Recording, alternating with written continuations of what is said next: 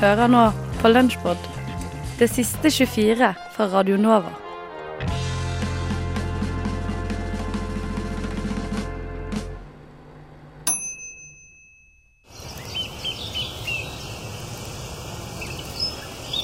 Hei. Åssen går det? Har du det bra? Eller kanskje du stresser over livet og verdenstilstanden og alt det der. Kanskje du lurer på hvor langt ned i gjørma det er mulig for politikken å synke. Kanskje du tenker at menneskeheten har nådd et lavmål når ledere er mer opptatt av å se bra ut i baris på en hest enn de er i å ta vare på ytringsfriheten. Når politikere tror at det å ligge og duppe litt i Middelhavet gir dem psykologisk innsikt i hva det vil si å måtte flykte fra krig og terror. Når oransje businessmenn med ca. like mye vett i skolten som den gjengse bananflue kan velges til president i USA. Words, Men frykt ikke. Vi kommer med trøst. For det har faktisk vært verre. Mye verre. Her får du en kort innføring i fire romerske keisere som faktisk var enda kjipere enn Donald Trump. Først ut keiser Nero. Du har garantert hørt om denne karen her. Han var keiser fra år 54 til 68, og kom til makten etter sin grandonkel Claudius døde. De første fem årene av Neros regjeringstid var faktisk ikke så ille, sannsynligvis grunnet kloke rådførere. Men det kunne ikke vare. I år 59 fikk han sin mor Agrippina myrdet, og hans kone Octavia ble forvist slik at han kunne gifte seg med Popaea Sabina. Octavia fikk komme tilbake til Roma senere, men ble da også straks tatt livet av. Poppaea Sabina ryktes det at Nero sparket i hjel mens hun bar på hans andre barn. Han giftet seg flere ganger etter dette, bl.a. med en ung gutt som han fikk kastrert for anledningen. Det ryktes også at den store brannen i år 64 var antent av Nero, slik at han kunne bygge sitt Domus Aurea, eller Gylne hus. Han la for øvrig skylden på de kristne, som ledet til den første kristenforfølgelsen i Roma. I tillegg til alt dette var Nero ekstremt paranoid, veldig hårsår og tidvis mer interessert i å spille på lyre og fremføre poesi enn å bry seg med slike bagateller som politikk. Det sies at under Neros første musikalske fremføring måtte en stakkars gravid kvinne føde sitt barn rett i tribunene fordi den unge keiseren ikke tillot tilskuerne å forlate arenaen. Sjarmerende kar. Hans regjeringstid er karakterisert ved tyranni og overdådighet. Andremann på lista er Elagabalus. Han hersket fra 218 til 222 og ble svært kontroversiell av flere grunner. For det første fikk han erstattet Jupiter som øverste guddom i den romerske gudeverden med El Gabal. Keiseren giftet seg så med en Vesta-jomfru. Disse var prestinner som hadde avgitt et kyskhetsløfte, og giftermålet ble sett på som et skamløst brudd på romersk lov.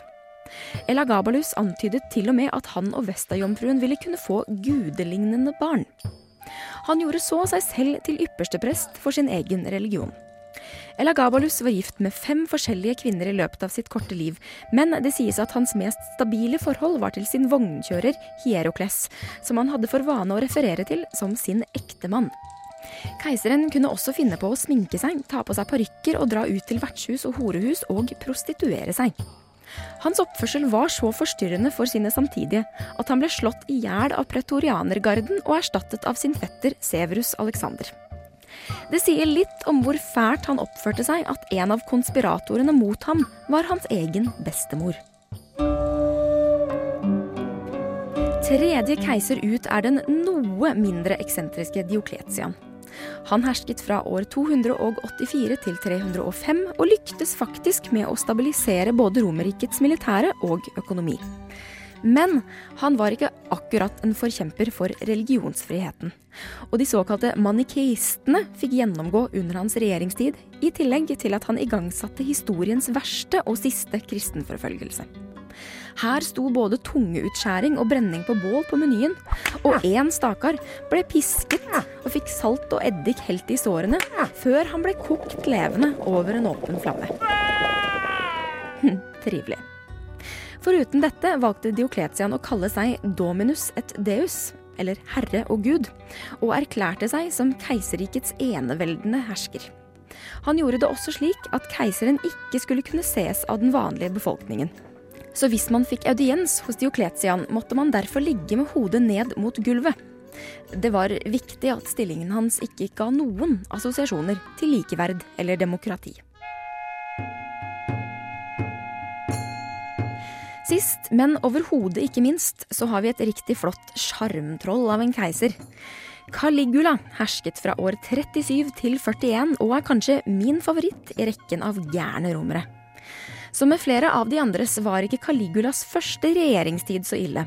Men han ble sjuk i løpet av sitt første år som keiser, og det sies at denne sykdommen kan ha utløst noe uhyggelig inni den unge mannen. Det var nemlig ikke lenge etter dette at han begynte å kvitte seg med de rundt ham som han anså for å være trusler. Han stolte heller ikke på senatet, og ydmyket flere av senatorene ved bl.a. å tvinge dem til å løpe ved siden av stridsvognen hans. Oppførselen hans skulle bare bli verre. Han begynte å referere til seg sjæl som en gud, og ville ha en statue av seg selv konstruert i tempelet i Jerusalem. Han skal ha hatt et incestiøst forhold til sine søstre. Han fikk konstruert en bro over Bayabukta, en rådyr affære, bare for at han skulle kunne ri over den på hesten sin. Han skal visst ofte ha sagt 'husk at jeg har rett til å gjøre hva som helst mot hvem som helst'. Da han til slutt ble myrdet, hadde han visstnok planlagt å utnevne hesten sin til konsul.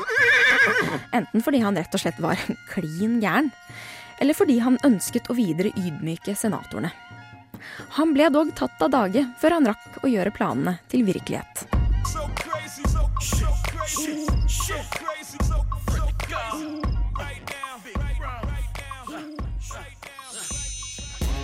Visst, visst, visst, visst, visst du hva?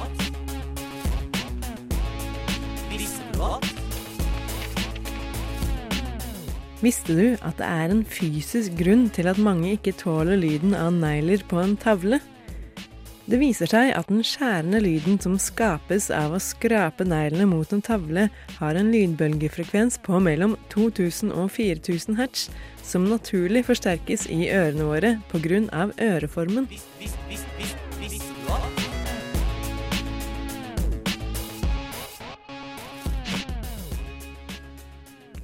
Ja, det er jo dagens, uh, dagens, tema som jeg har vært inn på mange ganger. Jeg har blitt deprimert flere, flere, flere ganger. Nå ble jeg riktignok litt oppmuntret på slutten av at det faktisk er 50 av disse bildene i landet vårt. Uh, og det kom, får meg til å tenke positivt. Og da med tanke på at det er slutten til mange ting, så er det ting som varer lenger enn vi tror. For det er en vanlig myte der ute, og nå avslørte jeg litt at det er en myte, da, men eh, hummer sies å være biologisk udødelig. Og dette kommer fort vekk av, av, at den vokser hele livet. Det er slik med kreps at de på en måte de bare spiser og spiser og bare vokser og vokser. Og eh, sånn eh, vanligvis så har vi jo Jeg veit ikke hvor mye dere vet om hummer, dere flotte mennesker som sitter her nå, men altså jo større den er, jo eldre er den jo. Og derfor er det tristere og tristere jo større hummer du får servert på tallerkenen. Og det er vel en fredning som er ute og går også, på for store hummer. At de er på en måte så avgjørende for hummerbestanden, der hvor den finnes, at den må du på en måte slippe ut igjen hvis du først har fått en sånn stor hummer. Men er det så trist? For jeg føler eh, med mennesker, så hvis et menneske dør, så er det jo tristere jo yngre de er. Det er jo sånn Å, bestefar døde, ja ja, å, så trist. Å, ja, men han var 90 år da, så det var liksom Det var på en måte på tide. Uh, er det ikke det samme med hummer? At hvis en hummer er liksom 150 år, så er det sånn Å, bestefar hummer, han fikk endelig hvile i magen til disse flotte menneskene. Jeg synes, jeg synes, jo det er en fryktelig morsom meme som er ute og går uh, på nettet, som er uh, 'biologically immortal'. Tastes delicious. Så derfor, derfor tar vi altså denne hummeren som kunne levd evig som noen tror, da, evig og kost seg og levd fint med de andre hummerne nede i havet, men den er så god å spise at vi tar den opp. Ja, jeg er enig med deg, Dag, at det er trist å ta de store, gamle, vise hummerne i havet. Ærverdige, nettopp. Vise hummere? Har du noen gang eh, opplevd at en hummer har vært vis? Har dere ikke sett på tegnefilmer? Da er de jo ganske, er ikke de ganske smarte. Eller er det krabbe, kanskje? Ja, uansett, men jeg lurte også på Du sier at de er udødelige. Men er det sånn at de vokser og vokser og så potensielt kunne bli kjempestore, som et hus, liksom. Ja, de blir, ja nå, nå skal vi inn på det, skjønner du. Fordi at de vokser og vokser. Altså, jo, de spiser, jo større de blir, jo mer spiser de, og mer og mer vokser de. Men så er det slik med krepsdyr, og hummer spesielt, at den skifter jo skallet sitt. Altså den så, Sånn som slanger eller Ja, altså den tar det av og lager et nytt et. Men så kommer jo dette inn da som gjør at hummeren dessverre ikke er biologisk udødelig. For mellom 10 og 15 av alle humre dør når de skal skifte skall. Og etter hvert som de blir større, så er jo det en mer og mer krevende prosess, ikke sant? At de må ta et kjempedigert skall av seg, og så må de produsere energi til å lage et kjempedigert skall. Så mot slutten av livet til en hummer, så vil den altså enten velge å ikke lage et nytt skall, hvorpå dette skallet dens råtner og dreper denne stakkars hummeren inni der. Eller så vil den prøve å lage nytt skall, men han kommer seg ikke ut av det gamle skallet sitt. Så han blir sittende fast, prøve å kravle seg ut, og så, og så dør den, da, for den får jo ikke tak i noe da heller. Altså, jeg syns eh, å bli spist av mennesker høres jo ut som en barmhjertig død. Ja, Det her er jo helt jævlig. Ja, men samtidig, da, så er det jo eh, Hummer og krabber og sånn, dere veit jo hvordan vi tilbereder dem. Altså, det er Ja. diskusjon på om de blir umiddelbart svimslått, eller om den pipelyden du hører når du slipper dem oppi, er, er skrikinga til krabber og humre. Jo, jo, men hva med den stille skrikinga som eh, skjer når du er fanga inn i din egen råtne hud? Ja, hva med kvalt eller Ja. liksom kokt Men levende? kanskje vi skal utvikle en teknologi som gjør at vi kan finne humre akkurat i det øyeblikket hvor de er i ferd med å kvele seg i sitt eget skall, og så kan vi på en måte barmhjertighetsdrepe dem. God idé. Men da, det bringer meg litt over på et annet dyr vi spi har spist før i tiden. Vi spiser ikke så mye nå. Vi skal til grønlandshvalen. For man trodde lenge at den ble sånn 50-60 år gammel. Helt til man dro opp en hval i Alaska.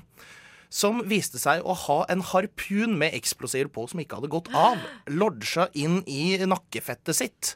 Og når de kikket nærmere på denne harpunen, så viste det seg at den var produsert i 1890. Så den har altså svømt rundt i 117 år med en harpun i nakken som ikke har gått av. Så den fikk vi da til slutt drept, da, men da hjalp den oss til å finne ut at dette dyret, det lever veldig lenge. Men det lengstlevende dyret, det er glassvampen. Og da vil jeg bare at dere skal gjette hvor lenge den lever. Eh, Um, men altså det, jeg regner med at det er 100, flere hundre år. OK. 200. Ja. Jeg sier 800. Jeg sier 350. Eldste eksemplaret som er funnet, som man har gjort vitenskapelig forsøk på, var 11 000 år gammelt. Den har altså vært der nede og kost seg i Sør-Kina-havet i 11 000 år. Og grunnen til at man da skulle teste den, var at hvordan var vanntemperaturen før i tiden? For den hadde jo vann inni seg, ikke sant? Men det jeg syns var det mest sjarmerende med denne glassvampen, det er at det er en art av reke som finner ut at her inni svampen her, så er det trygt og fint å være. Og så svømmer han inn, og så er han der. Men så vokser han inn der, får seg mat og sånn, og så kommer han ikke ut igjen. og så Altså, føder han ungene sine inni svampen. og så lever de inni den. Ja, Så den og så stirrer de ut på det store havet og kommer seg aldri ut igjen. Altså, eh, glassvampen høres jo ut som et Det høres ikke ut som et ekte dyr. Det er jo ikke et, et liksom sånn dyr som du tenker Å, er fascinerende at den er blitt så gammel, men det er jo en svamp. Den lever Ja. jo nesten ikke. Nei, Ja, det det, Vi får rett og slett avslutte med å si glassvampen, havets fengselsvokter i 17 000 år. Skumma kultur. På, på På Radio Nova. FM 99,3. Eh, Og her sitter vi fortsatt i Skumkultur. Eh, Jeg heter Renate, jeg heter Kristin, og vi har fått besøk fra Marie Senne Martinussen eh, fra På Venstre. Ja, god dag. God dag. God dag. Veldig hyggelig å være på Skumma kultur. Ja, du er velkommen. Tusen takk. Du har jo en festival som heter På Venstre, som du er eh, festivalsjef for. Ja, det stemmer. Det er en festival som går av stabelen neste lørdag, 17. juni. Og det er da andre gang i verdenshistorien at den festivalen arrangeres. Første gang var i fjor, i august. Eh, og det var en såpass eh, stor suksess at vi valgte å gjøre det på nytt, som man ofte gjør når man syns at noe går veldig bra. Eh, og det er jo en festival som eh, var litt sånn eh, galskapsprosjekt i fjor å lage, fordi vi prøvde å lage en politisk festival. Og det har man jo ikke noe tradisjon for å ha i Norge. Politikk det er liksom ting man gjør i konferansesenter. I dresser, eh, litt i seriøst. dresser, kanskje på seminarrom på Blindern. Det her er liksom politikken. Og så er det fyll og fanteri og musikk på festival. Eh, og vi prøvde da å merge de her to tingene i å lage en politisk festival. Eh, og det var ganske skummelt å gjøre, fordi eh, inntil morgenen før festivalen så lurte vi på om det kanskje kom bare 50 stykker. Eh, og en stor park som Cubaparken i Oslo, der vi har satt opp den her, og tre scener og stor rigg, ser veldig stusslig ut med 50 stykker. Men så kom det 1200, eh, og festivalen var Det var strålende sol, eh, musikk og litteratur og politiske diskusjoner. Eh, og det var en stor suksess. Så nå prøver vi altså å lage den på nytt nå på lørdag. Hvorfor har dere valgt å blande kultur og politikk? Du, det er jo Jeg er nestleder i Rødt og har jobba med måte, politikk siden jeg var 15. Eh, og også eh, spilt i band. Eh, og det er to verdener som jeg har eh, opplevd som eh, egentlig ganske like, men som står veldig langt fra hverandre i måte, samfunnet. Eh, at man oppfatter politikk som, som én ting, og så kultur som en helt annen ting.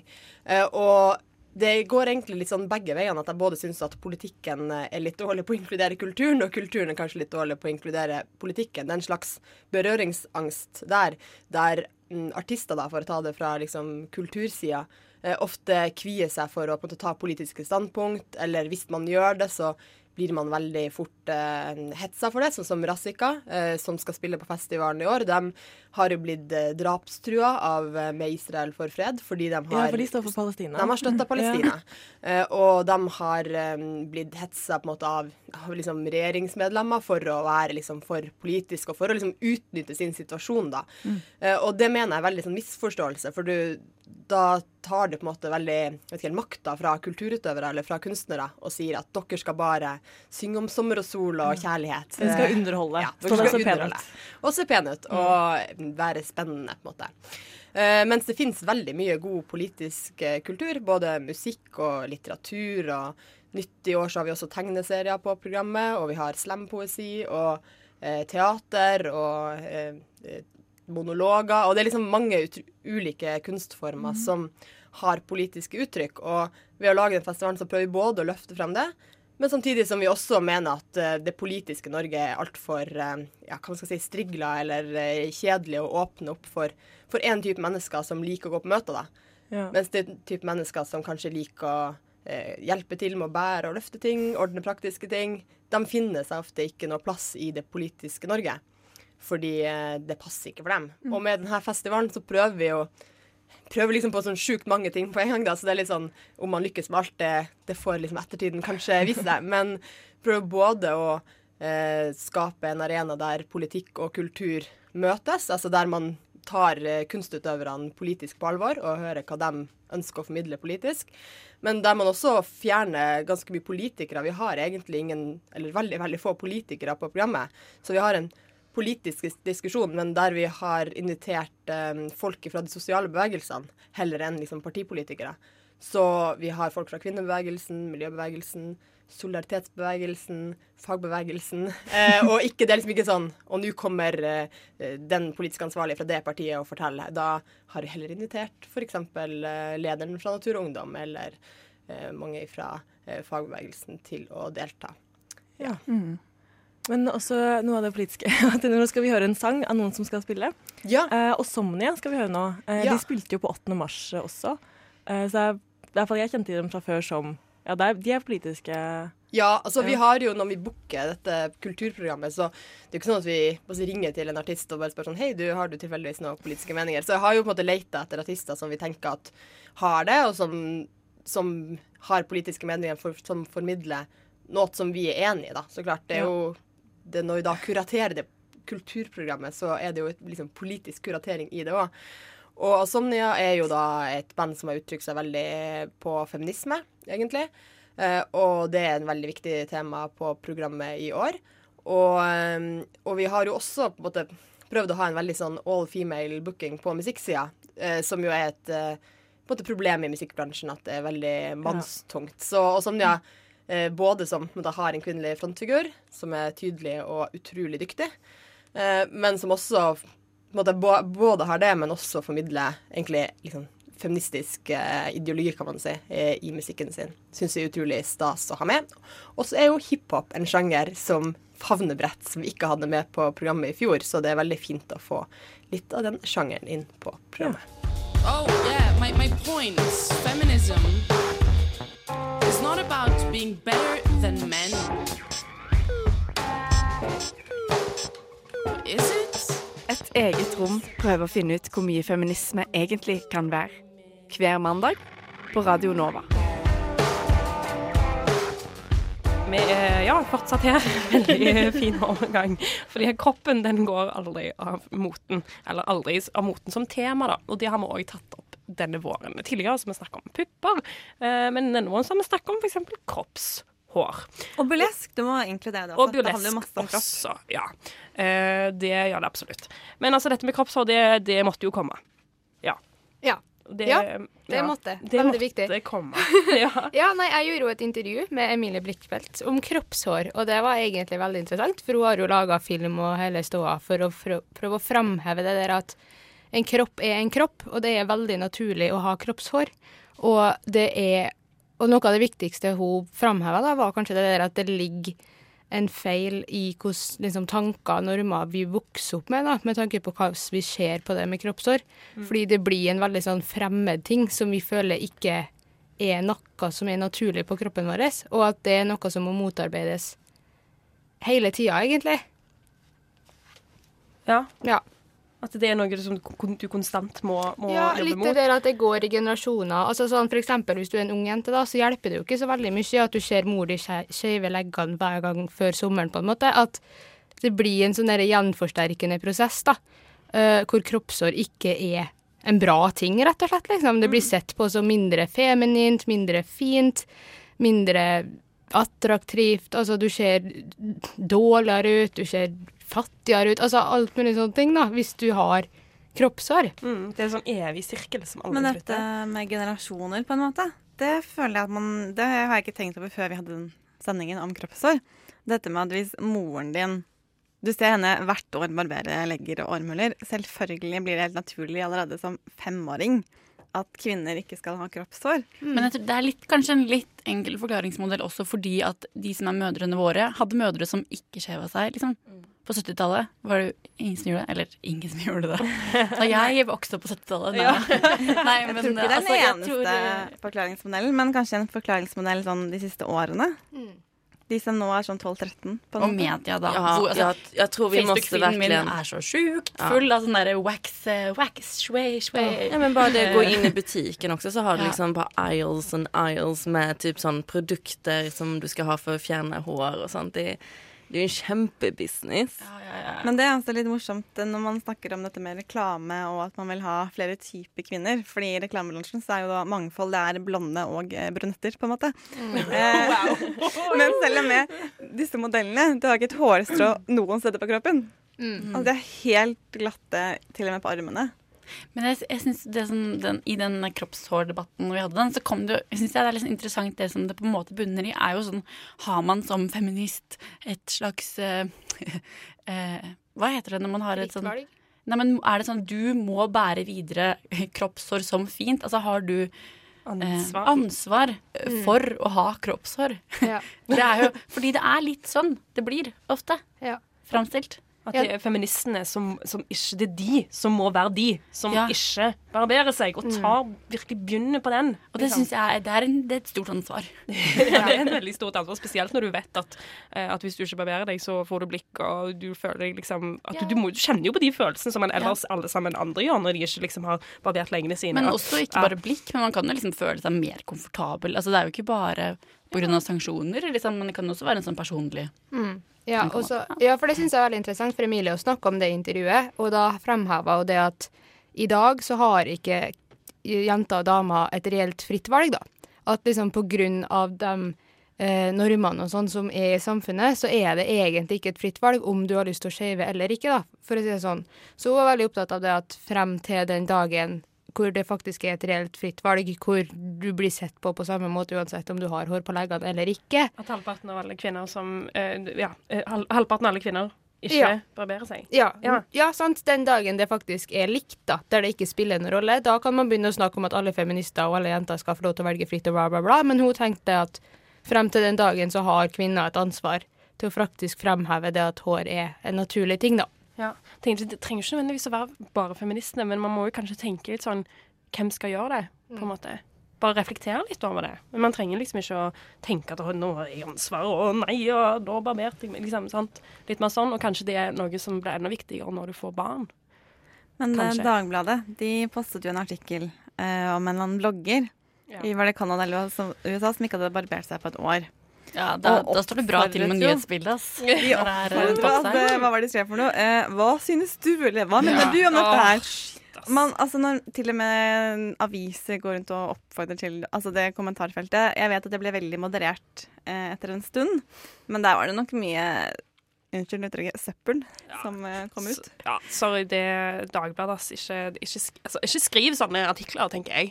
Men både, det, det det er så mye sånn, både blant menn og kvinner. Sånn æsj, er det ekkelt, det er stygt, det er ikke feminint. Hva er galt med kvinner, hva er galt med feminister? Alt er bare æsj. Er det så sykt at folk har eh, sånne tenker og uttrykker seg på det settet? Det burde jo på en måte ikke være en sak som er sånn åpenbart knytta til feminisme engang. Det burde bare være sånn må alle gjøre hva de vil. Jeg synes det, er, det, er, det er på en måte et litt dårlig tegn at det er nødt til å være en symbolsak for feminisme. Sånn, ja. Ja, Man får tenke litt over det. Tenke litt sånn, Reflektere litt, kanskje. Trenger ikke å føle at man har et ansvar, egentlig. Du har hørt en podkast fra Radio Nova. Likte du det du hørte? Du finner flere podkaster i iTunes og på våre hjemmesider radionova.no.